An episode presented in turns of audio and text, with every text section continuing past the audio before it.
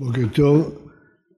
רש"י בפתיחת פרשת השבוע אה, מלמד אותנו בשם דברי חכמים שהפרשה מתחילה בביקורת, בנזיפה של אה, הקדוש ברוך הוא למשה. הרעיון הזה מבוסס על שתי מילים, וידבר אלוקים, פרשה פותחת וידבר אלוקים אל משה. אנחנו יודעים שדיבור זה לשון קשה ואלוקים זה מידת הדין. אם כן אה, מכך מסיק אה, רש"י שהייתה פה נזיפה למרות שכל התוכן של ההמשך אנחנו לא, לא רואים פה קשר לנזיפה במשה רבנו אבל רש"י מפרש שיש פה נזיפה. במה מתבטאת הנזיפה? בעצם ההשוואה לאבות. בהשוואה לאבות יש פה ביקורת מרומזת בין הנאמנות של האבות לדבר השם לבין הנאמנות של משה. ועד כדי כך אומר את זה רש"י, שאומר שגם זאת אחת הסיבות שהוא לא נכנס לארץ. אה, זה עשה רושם, אומר עתה תראה ולא במלחמת יהושע. כלומר, שזה מצטרף לסיבות שמשה לא נכנס לארץ ישראל, עד כדי כך. ובאמת, כשאנחנו מתבוננים בדברי משה עם מה שהוא חשב ככישלון השליחות שלו, אנחנו רואים שהדברים מאוד מאוד קשים. משה אומר, וישוב משה השם ויאמר, למה הרעות על העם הזה? למה הרעות על העם הזה? ביטוי קשה מאוד. והוא ממשיך, למה זה שלחתני? ומאז באתי אל פרעה לדבר בשמך, הרע על העם הזה, והצל לא הצלת את עמך. ובטח הוא משתוממים על משה המאמין הגדול. כיצד הוא מתבטא בביטוי כל כך קשה? רע על העם הזה, הרעות על העם הזה, למה זה השלכתני? הצל לא הצעתי את עמך. אבל ההשתוממות יותר גדלה שאנחנו יודעים שכשהקדוש ברוך הוא שלח את משה לשליחות, הוא הודיע לו. הוא אמר לו, אמר לו בפירוש, אפשר לראות את זה בפסוקים. שמשה אמר לו, תדע לך, שזה לא ילך בקלות, הוא לא מיד יסכים לשלח. ואני ידעתי, כי לא ייתן אתכם מלך מצרים להלוך, ולא ביד חזקה. ושלחתי את ידי והכיתי את מצרים וכל נפלאותיי, ואחרי כן אשלח אתכם. הקדוש ברוך הוא מודיע למשה את התוכנית. הוא אומר לו, תדע לך, זה לא ילך בקלות, רק אחרי המופתים שאני אעשה לפרעה. אז אם משה ידע את זה, אז מה הוא בא בתלונה? והצל לא הצלת את אביך, הקדוש ברוך הוא אמר לו שזה ייקח זמן, שיהיו מכות, שיהיו מופתים, ורק אז פרעה ישלח. וגם הסיבה היא די ברורה למשה, שהשם רוצה להודיע את שמו בגויים על ידי הניסים והנפלאות שהוא יעשה בפרעה, ולכן הוא מכביד את ליבו. אז אם כן, מה פשר התלונה הקשה של משה רבנו. וזו הסיבה, זו הסיבה שהקדוש ברוך הוא נוזף בו. אבל יש פה דבר מאוד מאוד עמוק שצריך להבין אותו. כי זה נוגע ממש עד לימינו אנחנו, בפרט לדור שאחרי השואה. יש, הקדוש ברוך הוא שופט את העולם בצדק. ויש לו תוכניות ארוכות טווח שבני אדם לא יכולים לדעת אותן. כפי שהקדוש ברוך הוא עונה לאיוב מהסערה, אתה לא יכול לדעת איך אני מנהל את העולם. אין לך כוח ושכל וידע להבין איך מנהלים את העולם. וההתבוננות יכולה להיות רק אחורה. אנחנו יודעים עכשיו למה יוסף ירד למצרים. אנחנו יודעים רק בדיעבד דברים שלא ידענו בתחילה. רק אחרי שפרעה מקבל את כל המכות ובני ישראל יוצאים ביד רמה ושם השם נודע בעולם, והתגדלתי והתקדישתי, עכשיו אנחנו מבינים את כל התוכנית. אבל בשלב התוכנית אנחנו לא, אין לנו כוח להבין מה רוצה הקדוש ברוך הוא, אין לנו יכולת להבין את התוכנית של הקדוש ברוך הוא. והדבר הזה הוא על פני כל התנ"ך, כל המקרא, אין, אין לנו יכולת להבין את דרכי השם בעולם.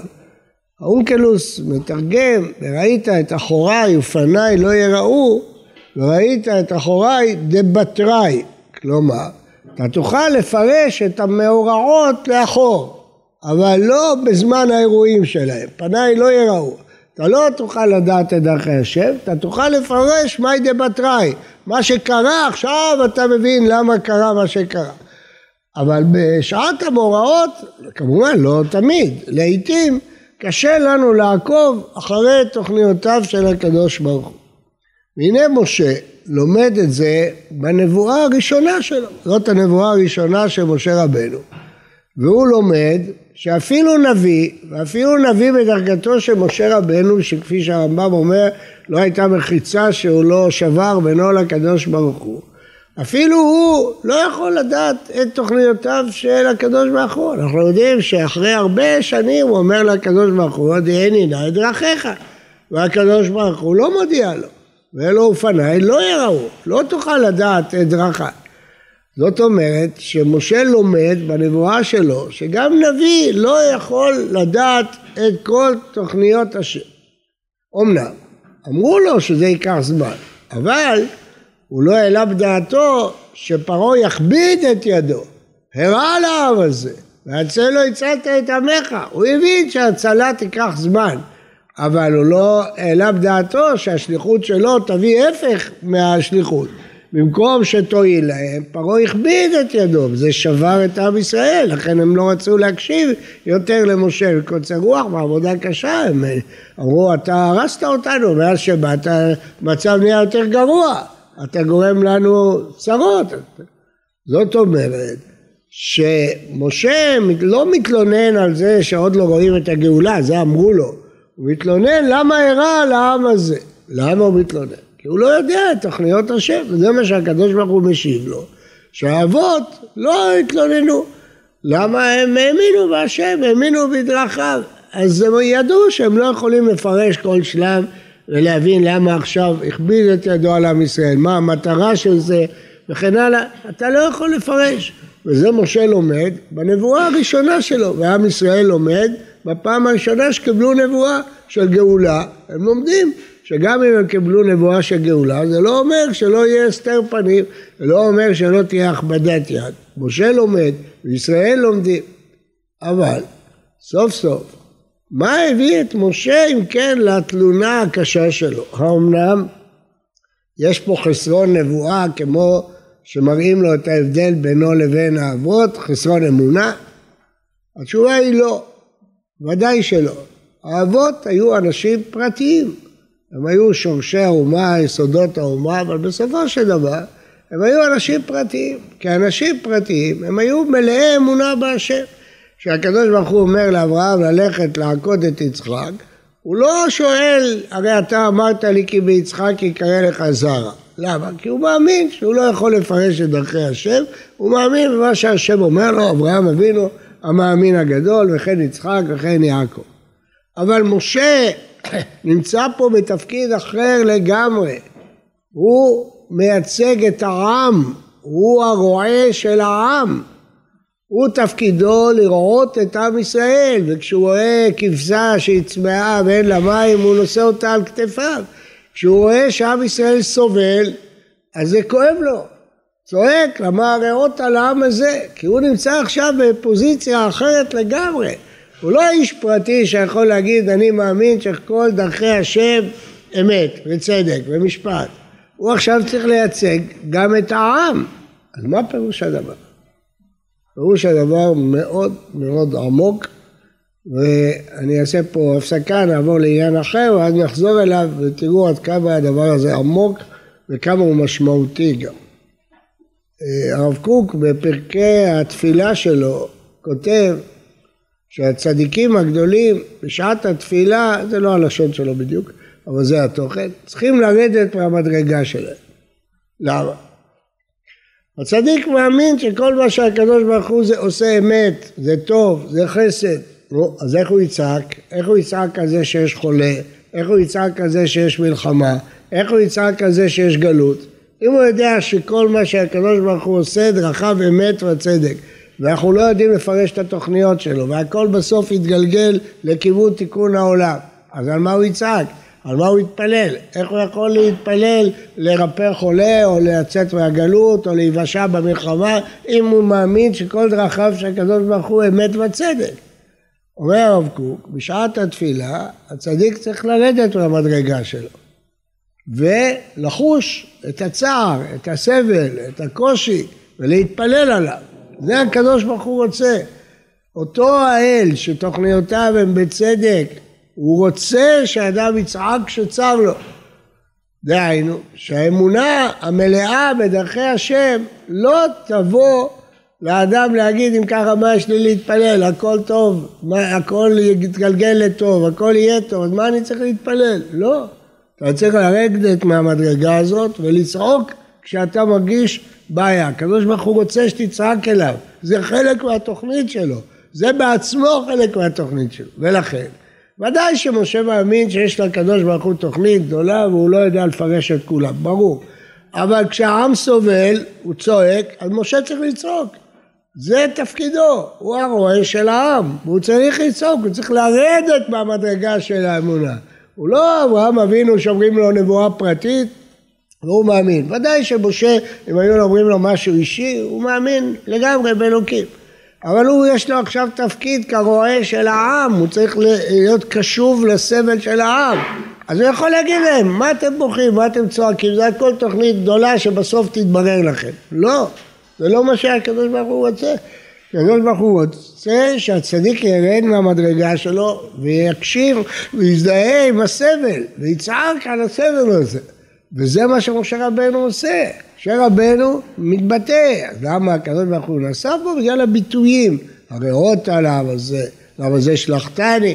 הוא אומר לא יש משמעות לשליחות ויש משמעות והקדוש ברוך הוא לא מרע חס ושלום. אין רעה מפי עליון לא תצא הרעות, לא יוצרת רעב משמיים, הכל תוכנית מחושבת, מדוקדקת, שאנחנו לא יודעים לפרש אותה.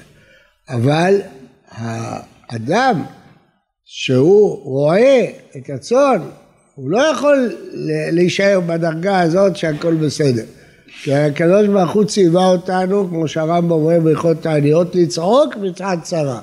זה חלק מהתוכנית, שכשתהיה צרה אדם צועק והקדוש ברוך הוא מושיע אותו. וייתכן שכל מה שלדוגמה, אני אומר את זה רק לדוגמה, כי אנחנו לא יודעים את דרכי השם.